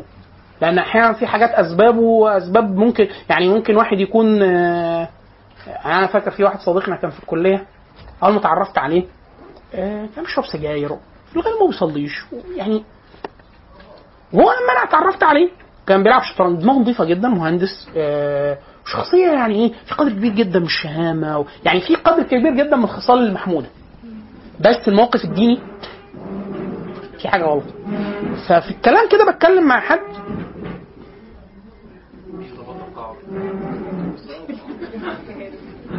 فبي... فبيقول لي بيقول لي لا هو كان شخصية كويسة جدا وما كانش كده وما كانش بيشرب سجاير. أو كان بطل ليه مش عارف كام سنة وكان قلت له إيه اللي حصل؟ قال لي في دكتور اسمه كذا سمى واحد قال لي راجل صليط وغير راجل مش مؤدب وبتاع. قال لي أنا هزقه في المحاضرة. وهم وهو حد كان مشهور في الجامعة وبتاع بتاع قال لي طلع منها ما حضرش ولا محاضرة سقط بعد كده كذا سنة رجع يشرب سجاير تاني وفي الغالب الحد قعد فترة بعد كده هو الشخص نفسه أنا أدركته بعدين لما التحى وبطل سجاير يعني تاني بس بعدها سنين فواحد يقول لك إيه ودي تفرق؟ آه تفرق. ما كانش صاحب الشريعة حط في القرآن قل لعبادي يقولوا التي أحسن. إن الشيطان ينزل. هو الشيطان بيعمل إيه؟ هو أنت بس إيه سلط ده على ده وأنا هخش بقى. يعني إيه؟ سيبني أنا يعني إيه؟ أنا أنا أقوم بدور خلاص؟ فالشاهد يعني إن هو أنت ممكن تعرف السبب في أسباب ممكن يكون سبب قريب سبب من الطفولة سبب يعني سبب الطفولة ده هنقعد إيه؟ نفك فيه كتير في خبرة صدمية. يقول لك أنا مرة قمت احضر قدام الناس كلها ضحكوا عليا وبتاع وهو كبير. فيكون حاجة إيه؟ قريبة. في حاجة تربويه لو قعد معالج شاطر مثلا يروح جايبه من أيام أمه بقى. هي- هيجيبه. هيجيب ست الحاجة هتظهر معانا في الكذا. خش يمين الحاجة ظهرت. نورت ام يعني حاجة جت. ففي أحيانا في كده. وفي فده على حسب المعالج بس. لكن إحنا هنا بنقول اجمالي لحظة واحدة. لحظة واحدة. عارف الاضطرابات مثيرة للاهتمام؟ العلاج الجماعي مهم جدا. آه، لأنه بيكسر طبعا إحنا قلنا الشخصية الهستيرية ما ينفعش معاها علاج جماعي ليه؟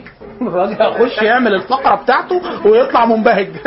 فده ما تديهوش المادة بقى المادة اللي بيستعد. لأنه ده هتشجعه يعني هتزود الاضطراب مش هتقلله ده إحنا عايزين ندخله في طبعا لما يكون حاجة صغيرة وطبعا العلاج الجماعي ليه techniques وبرضه ليه يعني كل كل حاجة دايما إحنا إيه الشيطان يكمن في التفاصيل.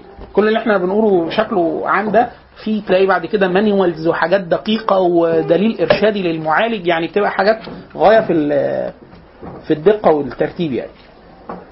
ممكن أحيانا بيلجأوا معاه إن هو بيدوا له عقار العقاقير المضاده للقلق. لأنه طبعا إيه في جانب دايما إحنا بنقول أي جانب سيكولوجي ممكن يكون رافض من رفضه كيميائي. يعني هو أصلا ما بيعرفش إيه؟ فعلا. أنا خ...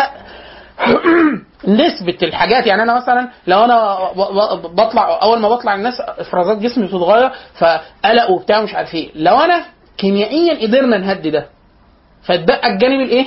الإدراكي والسلوكي ممكن نشتغل عليه. بي- بيدوا له آه، مضادات للقلق أو حاجات للتهدئة مهدئ يعني. طيب آه، كان عندك سؤال. آه، هو ممكن آخر يكون سؤال. آه، لا لا آخر سؤال ليها يعني. قولي يا مره بهزر التجنبية دي بتكون مش عشان هو مش واثق من نفسه وعشان هو عنده حتة يعني حاجة. اجو كده إن هو مش عايز يبقى بيغلط قدام الناس. لا ما هو في فرق في فرق. ما هو في كلنا كل إنسان لو خير إن هو يغلط أو ما يغلطش قدام الناس هيقول لك لا ما أحبش أغلط. خلاص؟ ده حتى لو أنا قلت يا إخوانا قولوا واغلطوا عادي أنت برضه أقول لك إيه؟ لا ما اغلطش أنا. خلاص؟ فده سبحان الله يعني ده الطبيعي. لكن في فرق بين إن هو يكون إيه؟ الطبيعي لو أنا قلتها وطلعت غلط فاقول إيه؟ يعني إحنا كتير جدا إيه؟ تلاقي واحد يعني غلط. عادي. في واحد. لآخر الدرس وما يجيش تاني اللي هو إيه؟ هو إيه اللي حصل؟ إيه اللي حصل؟ يعني المساله إحنا كلنا بنغلط. أنا قصدي ده ممكن يحصل لشخصين ممكن يكون خجل وممكن يكون هو طبعا. عشان كده إحنا- بيثبت نفسه زياده قوي أكتر من عشان كده إحنا قلنا إيه؟ عشان ده يتشخص إن هو اضطراب. ما إحنا قلنا ده بيبقى إيه؟ لازم نخش في الدليل التشخيصي نروح للدليل في اضطراب الشخصية في الدليل التشخيصي نقول اتوافر عنده كام سمة من السمات عشان أشخصه إن هو اضطراب شخصية. وإلا ممكن يكون مش اضطراب شخصية. طب قولي اضطراب سؤال. الشخصية التجنبية لما تتشخص آه خلاص. وتجنبي بس ممكن بقى تبقى سببها مش إن هو عنده خجل إن هو عنده إيجو زيادة فمش عايز يغلط يعني في ناس كده ممكن. ده تبع التجنب ممكن. يبقى. ممكن هو هي صح المشكلة في إيه؟ إن هو اللي هيضبطه السمة العامة الأخيرة السمة الأخيرة الحفر هو اللي هيطلع جاية منين؟ يعني المحلل هو اللي إيه؟ هيلاقي عشان كده دايما بتوع التحليل النفسي وهنا بيبقوا كعبهم عالي على غيرهم بتوع التحليل النفسي أقوياء جدا في الحاجات اللي زي كده. المدارس طبعا التانية العلاجية والسلوكية بتبقى أقوياء في الاكتئاب مثلا. في حاجات في الفصامات تلاقي الفصام ده بتوع التحليل النفسي قاعد مولع ال pipe صورة فرويد وراه وهو بيلعب باليه مائي اللي هو إيه؟ يعني قال لك التحليل فينا بس ربنا هدينا اللي هو هو هم أقوياء جدا في ده. ليه؟ لأن هو بيقول لك إيه؟ هو أنت فاكر كل حاجة هتظهر شبه بعض يبقوا في الأصل زي بعض. لا انت ممكن الاثنين يطلعوا نفس المنتج بتاع التحليل يقول لك ده حاجة وده ده سكه ثانية خالص. آه والعكس. يقول لك الاثنين الاثنين الدوافع والروافد بتاعتهم واحدة وده يطلع لك فصام وده يطلع لك هستيريا فبتوع التحليل إيه- إيه- ايدهم طايلة في ده. خلاص؟ طبعا في حاجات تانية هم ما بيبقوش يعني الذهانات مثلا مش بنفس قوة العصاب العصاب عند بتوع التحليل بيبقوا أقوياء جدا. طب مثلا الناس ماشي اتفضل. هنرجع تاني. لا قولي اتفضلي الميكروفون مع حضرتك. بيبقى عندها زي مثلا اكتئاب أو اضطرابات بس هي حاجة لا الاكتئاب غير الاضطراب. هو لو حاجة فسيولوجيه يعني هو اضطراب بسبب الهرمونز. ما هو في حاجات كتير رافضها كده. آه بيبقى مثلا الشخص ده لو أذنب أو مثلا زي بيحاولوا ينتحر. لا ما إحنا إحنا قلنا السؤال ده قبل كده إن هو إيه في حد ما حد معين من ناحية النفسية بيقول لك ده مسؤول عن تصرفاته وفي أحيانا عند حد معين يقول لك هو أصلا مش مدرك. فعشان كده إحنا إيه مش عارف إحنا كنا جاوبنا على السؤال ده قبل كده لما لما قلنا إيه الفرق بين المرض والإضطراب. لا ما إحنا ده كنا هنقول بقى المرة دي. ما قلناش؟ لا ما قلناش. طيب خلاص يلا نقول بقى. كده مرة ما يطلب ما يطلبه المستمعين آه لسه لسه اليوم المفتوح فقرة اليوم المفتوح لسه. يوم الخ... آه. بص لحظة. آه هو أصلا التفرقة ما بين المرض والاضطراب هو جاي خلل من الترجمة عن اللغة الإنجليزية أو اللاتينية. إحنا كده خلاص خلصنا الاضطرابات لحظة يا أستاذة فاطمة. خلينيش أضطرب. خلاص. لكن ال- دايما يقولوا ال- ال- السمة الأساسية للمرض ان المريض بيبقى عارف إن هو مريض. وبيروح يعني أنا عندي قلق أو مك- مكتئب. أنا حاسس بحاجة وبروح وبقول وبتاع. الاضطراب. في كثير جدا من الاضطرابات بل معظمها الإنسان ما بيبقاش راصد ده. بل أحيانا لو قلت له روح اتعالج هو منكر إن هو محتاج علاج. زي الشخصية الهستيرية والنرجسية وال... ده بيبقى إيه؟ أروح اتعالج يا يا, حوش. يعني هو نفسه فل... فل... ف... ده ده في أحد الفروق بس أظن ده يكفي في ال... في الضبط دي. إن أنا مكتئب. أنا مكتئب. انت بتبقي حاسة إن انت عندك حزن و- وعدم رغبة في ال- أي حاجة ومش مش لفترة. يعني واحد بيقول لك إيه؟ أنا ليا شهر كده. أنا ليا سنة كده. في ناس يقول لك أنا ليا خمس سنين كده. في ناس بيقع إيه؟ ده لو هو مرض. يعني مرض لازم ياخد علاج ليه؟ هو مش عارف. ما هو ده مرض. بياخد ليه علاج؟ أصلا معظم العلاجات بتاعتها ممكن أصلا بتدفع الشخص إن هو ينتحر. لا مش العلاج اللي بيخليه يعمل كده لا.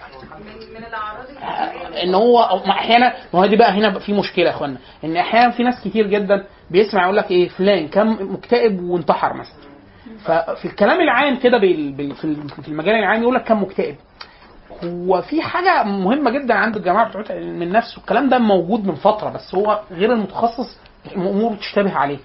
زي ما واحد يقول لك إيه أنا أعرف واحد جاله كذا فمات. طبيا بيولوجيا. فالناس يقول لك إيه يا هو ده بيموت. لما تسأل دكتور يقول لك يا فندم ده بيعمل خلل في كذا. الكذا ده بيأثر على كذا. فده بيأثر على الشرايين.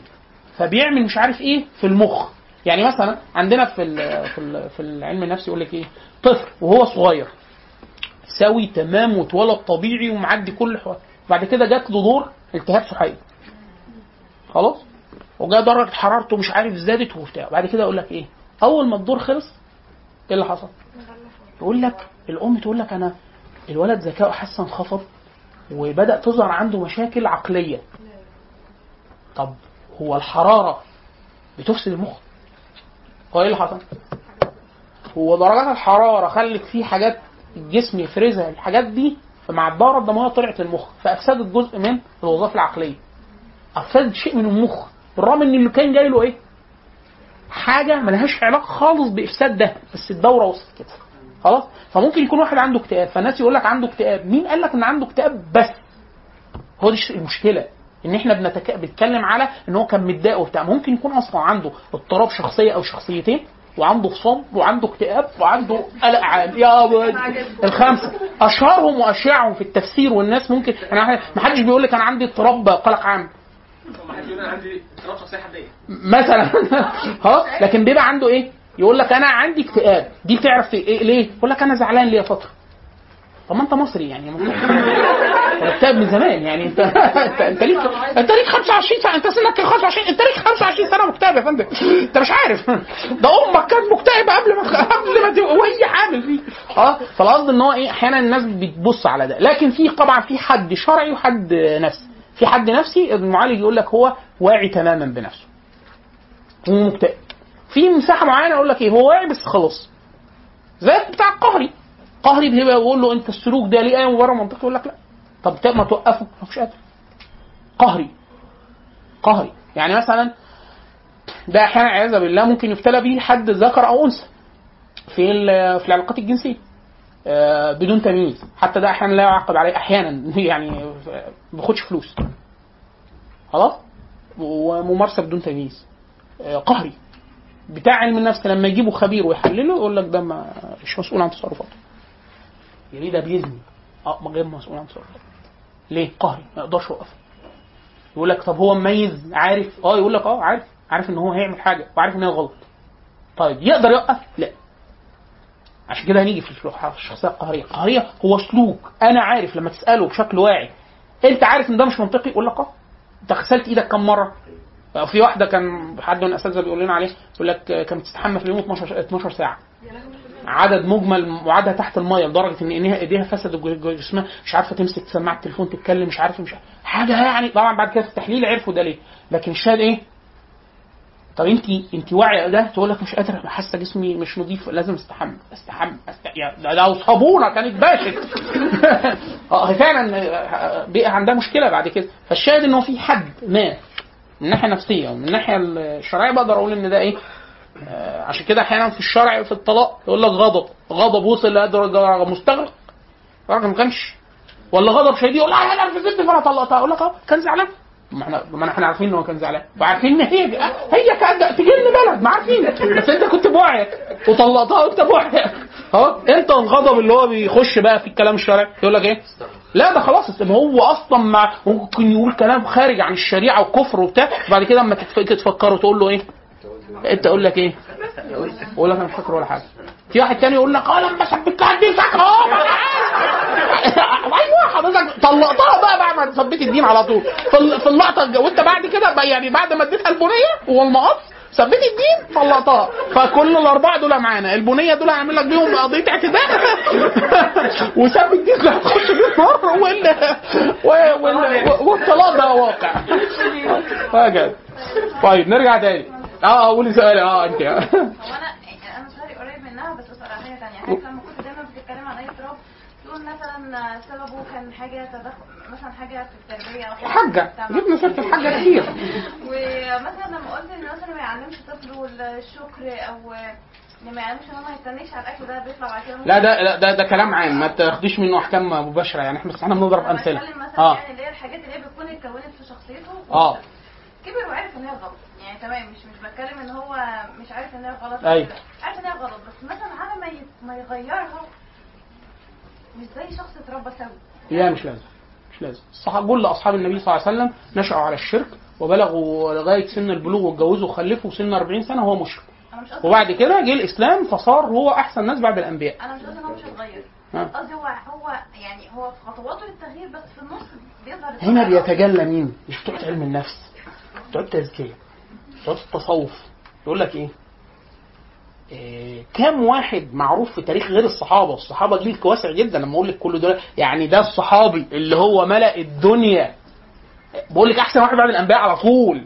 ده كان بيعبد لغاية سنه 38 سنة بيزني وبيشرب خمرة وبيتسطل وبيقتل وبيقول كل حاجة وبيعبد صنم ويجيب شوية بلح بيعملهم كده ويجوع ياكلهم حاجة طين يعني. خلاص؟ وبعد كده ده أسلم فصار أحسن الناس بعد الأنبياء. خلاص؟ هي بيسموها بتوع الاستصاف يقول لك إيه؟ بقوة الباعث. مش كده في واحد أول ما يجي يلتزم يقول لك تعرف الشيخ فلان؟ آه تعالى أقول لك كان إيه؟ يقول لك كان قطاع والله أنا مرة حد قال لي في أيام أيام يناير كنا بننزل تحت البيوت. كنت عازب فإحنا كنا بننزل إيه؟ آه إحنا ثلاثة شباب وأربعة شباب فكنا بنبدل. فالناس كانت كلها اتعرفت على بعض الحي كله اتعرف على بعض في ما, ما, ما جايبين ونعمل شاي والناس اللي بتولع سجاير وبتاع وهكذا. بعدين نحكي. فحد مرة في الكلام جه بعضه وتعرفت على بقى شباب من مختلف الأعمار. فقال لي تعرف الشيخ فلان؟ حد من من المنطقة. قلت له أه. شاب لطيف جدا ومتقن حلس مسجد. زي ما بيقولوا تعرفوا الاصطلاح ولا؟ يعني ملازم للمسجد. يعني قاعد على طول. بيقيم الصلوات يصلي بالناس ويقرأ القرآن ويقعد بعد الجلسة يكلم الناس في حاجة ويقرأ من الكتاب مثلا أذكار. حد شخصه وشه كده ما شاء الله منور لحية كبيرة زي شرعي. بتاع فبيقول لي عارف ده كان إيه؟ فقلت له لا ما أنا سكنت هنا في المنطقة قريب من أنا مش أصلا من الصعيد وليا ست سبع سنين هنا. قال لي ده كان بلطجي. كان بيقف بيثبت الناس هنا هو ما شاء الله طول عمره بيلعب حديد وبتاع قوي جدا وبتاع. قلت له والله؟ قال لي آه. وبعد كده الشيخ فلان لقطه بتوع التبليغ. فمش عارف كلمه أهو التزم بشيخ وبتاع وختم القرآن كله ومش عارف وهكذا. خلاص؟ فالفضيل فضيل بن عياض تابعين كان قاطع طريق آه، مالك بن دينار كان ضابط شرطة آه قصدي كان شرطة. كان شرطة كان كان شرطي مالك بن إحنا مهم جدا إن إحنا إن الب- الب- البواعث إن البواعث ما ردها للطفولة. آه بس على حتى حتى كان سؤالك كمان يعني برضه يعني أزيدك من الشعر بيه آه الصحابة ما كانوش مش اسوياء يعني هم كانوا بني آدمين عاديين جدا في بيتهم. ليه؟ البيئة اللي مش محرمة الزنا فاللي بيزني مش آه، تحسين وتقبيح بتكلم شرعي. دي كانت فين دي؟ كانت فين؟ لا ليها ساعة برضه دي كنت فين يا بطة؟ كنت فين؟ في جريمة خاصة بره كنت فين يا بطة؟ كنت مع مين؟ آه لا عارف- أنا أشوف الموضوع ده أشوفه لا لا هنطور فقه الطفولة فاحنا كنا بنقول إيه يا أبو عاطف؟ آه آه ففكرة إن هو كان في قدر طبعا من عدم لأنه قبل ورود صاحب الشريعة ما فيش نهي أو أمر أو كذا لكن لكن آه من ناحية الاطمئنان آه الواحد حتى لو نشأ على شيء وده من رحمات الشريعة. من الله عز وجل يقول على لسان النبي صلى الله عليه وسلم الحلم بالتحلم. العلم بالتعلم والحلم بالتحلم. وان يتحرى الخير يعطى ومن يتقي الشر. يعني مش هو مش السويتش هيتغير من هنا لا لا مفيش حد. إحنا بني آدمين. يعني الوقت آه. هو مكلف فيه. أنا عارف. هو عشان كده سبحان الله صاحب الشريعة رب العزة رب العزة بيقبل الإنسان بيقبل منه نزوعه ناحية الخير. يعني يقال في قاتل المئة. قتل 99 راح للاخ قال له اتوب قال له ما تتوب قال له يلا مع زمايلك. قتل 100 100 وبعد كده راح لعالم. قال له أنا أتوب؟ ليا توبة؟ قال له ومن ومن يمنع عنك التوبة وبتاع ونصح ففي الحديث ليه روايات كثيرة. ففي رواية من الروايات بيقول لك إيه؟ لما جاله جاله ملك الموت ياخد روحه. فقبض روحه اختلف عليه ملائكة العذاب وملائكة الرحمة. فيقول لك وهو بيموت لما روحه بتطلع فإيه ناء بصدري ناحية أرض الصلاح يعني. لو أنا هروح هنا ما راحش. ولسه أكلهم المية وما حصلش حاجة. فالله عز وجل رحيم. يعني هو نزوعه ده واحد يقول لك إيه؟ يعني اتغفر له كل اللي عمله. لا. مين قال؟ اتغفر له بس. لا. ما يبقاش الودود. يبقى غفور بس. الودود يغفر له ويحبه. أكنه واحد ولي. واحد يقول لك يعني اللي مات ده إيه؟ ولي ليه؟ لأن اللي اتاخد مع حسناته هتبقى قد سيئاته بالظبط. فيقول لك إيه؟ حديث يوم القيامة. إن الله عز وجل ينشر أمام العبد الكتاب. فهو إيه؟ عمالة تعرض عليه ذنوبه. وهو إيه؟ عمال بقى الموضوع إيه؟ شايل الطين لأنه عارف إن دي صغيرة. وهي الحاجات بتنكشف في الوقت في الميزان. فبيبقى عارف أحجام الأشياء حقائق الأشياء. فهو مشفق مما ياتي ثم يغلق على الكتاب. خلاص ما عملش حاجة ثانية يقول له إيه؟ شاف سيئات دي؟ الله عز وجل غفرها لك لأن أنت استغفرت. وأبدأ لك مكانها سيئات حسنات. فيقول يا ربي إن لي ذنوب لا أراها هنا. لا لا بقى. لحظة بقى لحظة. ده لا أنا في حاجات كتير عملتها. ده أنا لا ده أنا كنت صرماح. ليه؟ مما يرى من عدل الله عز وجل ورحمة الله عز وجل. فده مش غف... مش مغفرة. المغفرة اللي هو إيه؟ زي الامام القرطبي يقول إذا قال العبد آه، اللهم اغفر لي فمعناها إيه؟ اللهم أقلني. عارف لما واحد تقول له إيه؟ سامحني المرة دي. فاللهم اغفر لي يعني أقلني يعني بس إيه؟ شيل دي. فشيل دي يعني امسحها. بس كده ما حصلش حاجة. واحد يقول لك إيه؟ طب ما من باب أنا كنت عايز الوقت ده. هو أنا ربنا غفر له ده حاجة كويسة. بس أنا كنت عايز أستبدله بطاعة. أنا ما كانش واعي بفايدة الطاعة ساعتها. هو ما كانش علمي علمي بالله أصلا زي دلوقتي. فليه واحد الإنسان سبحان الله ده جزء مننا وده الحمد لله ده طمع خير. يقول لك أنا كان نفسي أبقى زي اللي مولود على الطاعة. سؤالك. كان نفسي وأنا كان نفسي أبقى من وأنا من وأنا أول ما وعيت احفظ قرآن وأقول أذكار وبتاع. فاتتني اللقطة دي. لا ما فاتتش. عشان كده سبحان الله العظيم. الإسلام عامل إيه؟ خلي الرحمة واصله لآخرها. اللي هو لو قبل ما يموت قال أشهد أن لا إله إلا الله رسول الله اقلب. كله يتقلب كله يتقلب. وإلا عشان كده دايما يقول لك إيه؟ إن لله 99 اسما. فمن أحصاها دخل الجنة. يعني يعبد الله عز وجل بحق صفاته لأنه أنت عشان تتعرفي على الله عز وجل عشان كده في ناس كتير جدا يعني ربنا بيعمل كده ليه؟ لحظة هو مين ربنا ده؟ هو أنت فعلا شخصيا تقريبا ما تعرفش بقية أسماء الله الحسنى لأن أنت لو عارفه انت تاكلي ده؟ طب قولي بسم الله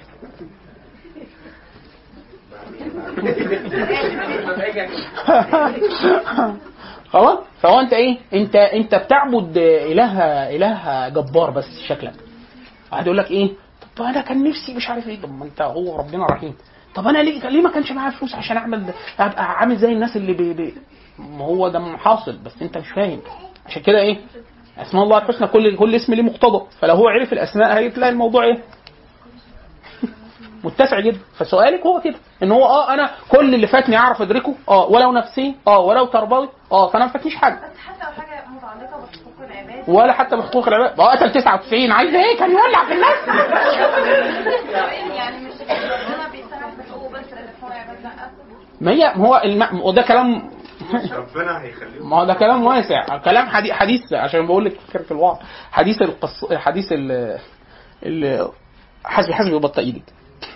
افتح لها مؤمن معلش الباب. لأن هي حاطة إيدها كده حد فتح. روح العاطفي يا أختي آه إحنا آسفين. آه، البنت دي ما تحضرش معانا تاني. ماشي يا فاطمة. عشان ما تبانش فيلا. يبقى عارف إيه اللي حصل اللي هو آه، يقول لك يأتي يأتي يوم القيامة صاحب المظلمة فيأتي بمن آه، ظلمه فيأخذ يأخذه بيده حتى يقف أمام الله عز وجل فيقول يا رب يعني آه، عبدك ظلمني. فالله عز وجل يختص للناس. فيقول له إيه؟ يقول لصاحب المظلمة دي مظلمة بتاعت إيه؟ مش حق الله ده في حق مين؟ واحد اللي ظلمه فيقول له إيه؟ انظر فوقك. الحديث معناه كده. فينظر فإيه ملك عظيم وبتاع فيقول يا رب لمن؟ من الأنبياء هذا لمن من الشهداء هذا لمن من الصالحين هذا؟ فيقول هو لك؟ إن أردت. فيقول آه، آه، يعني أو أو معك ثمنه. فيقول يعني الثمن عظيم أو كذا. فمعنى الكلام أن الله عز وجل يقول يعني إيه؟ ثمن أن تغفر لأخيك المسلم. فيقول يا رب أشهدك أني قد غفرت له. فيقول خذ بيد بيده وادخل, وادخل الجنة. هي دي سؤال سؤالك طويل. آه. عشان يعني دي حاجة بالنسبة يعني. معلش حضرتك بتقول كده وقفوا يعني هو يعني ربنا خلى العباد يعني يسامحوه كده بس سؤال ينفع البني آدم اللي هو قال لك إن هو- وأخش الجنة برضه. ينفع البني آدم اللي هو عارف إن هو ليه حقوق يعني هيروح يحاسب عليها. حتى لو ربنا يعني هيغفرها له يعني- ينفع يدعي إن هو ما يتحاسبش أصلا يدخل الجنة من غير آه، صحيح. حاصل. ان ان إن أمة محمد فيها سبعين ألف يدخلون الجنة بلا حساب ولا عذاب كل واحد من السبعين ألف منحة للنبي صلى الله عليه وسلم إن يدخل معاه سبعين ألف. يعني هم سبعين ألف بسبعين ألف. يعني بس أكيد الشخص ده ملوش حقوق عند العباد يعني شوي. يعني بس ما يعني إيه ما يعني فما ظنكم برب العالمين. هي فكرة ال- الحزبه حزبه حزبة تانية. يعني أنت إيه؟ أنت بس يعني هو إن الله عز وجل أنت دايما إيه؟ إذا أصلح العبد ما بينه وبين ربه أصلح الله عز وجل ما بينه وبين خلقه. فمغفرة يغفر. آه، حاجة مش عارفة ترديها الله عز وجل يردها عنك. مش عارفة ترديها ومش عارف إيه وبتاع الله عز وجل يرد العباد عنك. خلاص؟ عشان كده رب العزة قال إيه؟ في حق أهل الأخدود. دول قتلوا قتلوا العالم وقتلوا غلام الأخدود. الغلام اللي هو باسم رب الغلام قتلوه الصالح. والناس لما أمنت قتلوهم كلهم بالنساء بالصبيان بالرجال. وشقوا خددوا لهم الاخاديد وحرقوهم بالنار. ثم قال الله عز وجل في محكم اياته إيه؟ إن الذين فتنوا المؤمنين والمؤمنات ثم لم يتوبوا فطمعهم الله عز وجل في التوبة. فقال إن تبتم غفرت لكم. يعني هو بعد يقول وخش الجنة. هي جنتك انت.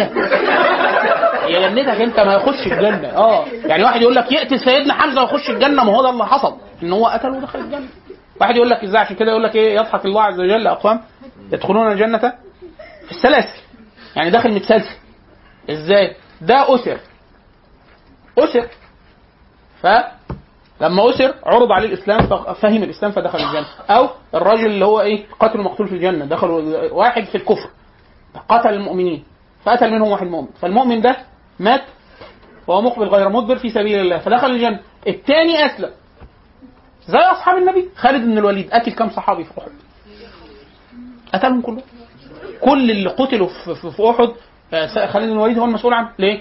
هو صاحب حركة الالتفات أصلا سيدنا خالد. وخالد يعني نشهد الله عز وجل إن هو من من أهل الجنة. طب هو ليه هيخش الجنة؟ هو النبي شايف ليه بأن هو من أهل الجنة وان سيف الله المسلول وكذا؟ بس هو قتل عدد مهول جدا من الصحابة. بس قتلهم وهو كافر. خلاص؟ والإسلام عشان كده سيدنا عمرو بن العاص سيدنا عمرو بن العاص عامل شوية حاجات. هو أبو سفيان وخالد وبتاع مجموعة اللي هم كانوا كفر كفر إسلام إسلام. أي حاجة بيعملها بجد. خلاص؟ فلما بسط يده للنبي صلى الله عليه وسلم فالنبي قال يبايع. فالنبي بسط له ايده كده. سيدنا عمرو بن العاص إيه؟ راح. فإيه؟ قبض إيه؟ فقال مالك مالك يا عم؟ فقال يا رسول الله وغدراتي وفجرات أنا عامل شوية حاجات. ده راح يجيب اللي هاجروا الحبشة. وكان هيجيبهم. أوشك إن هو يجيبهم. خلاص؟ فقال له قال له يا رسول قال له يا رسول الله غدرات فالنبي صلى الله عليه وسلم ضح- ضحك وقال له إيه؟ عمرو بن العاص ده اللي قاتل معظم اصحاب أصحاب النبي. هو وخالد وبتاع فقال له إيه؟ أبسط يدك يا عمرو فإن الإسلام يجوب يجوب ما قبله. الموضوع سيدنا عكرمة بن- إحنا بنقول سيدنا عكرمة. ده جابوه منين؟ ده جابوه من البحر. خلاص هي وبتاع لما ركب السفينة قصة مشهورة. فقال يعني دعا الله عز وجل هو على السفينة قال لك إيه؟ في واحد تاني امن امنه ده سيدنا عكرمة بن جابر لما تشوفوا س- ترجمته في حروب الردة يا لهوي يا لهوي نكل الكفار. وهو كان كافر وابوه. أبو جهل اسلم حسن إسلامه؟ ده بعد في الفتوح فتح مكة. يعني خلاص هو صحابه مترضى عليه في الفتوح. فاجئه عمرو بن العاص كل واحد في مصر بيسجد سجدة ليوم الدين. في ميزان عمرو بن العاص وسيدنا عمرو بن الخطاب. عمر بن الخطاب وعمر بن الخطاب ست سنين قتل كمية الناس كلها اللي فتنت في دينها عمر بن الخطاب كان بيعذبهم في الجاهلية. في الست سنين الأولانيين بتوع ال- عدم الإسلام. وعمر بن العاص وهكذا. في الحديث يختم بده حديث قدسي يقول لك إن الله عز وجل يعني لما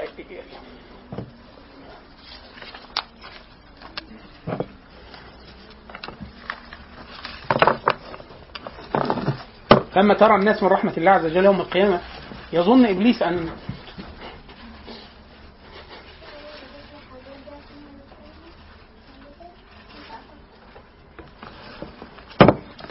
سبحانك الله وبحمدك أشهد أن لا إله إلا أنت. هو الذي بعث في الأميين رسولا منهم يتلو عليهم آياته ويزكيهم ويعلمهم الكتاب والحكمة وإن كانوا من قبل لفي ضلال مبين.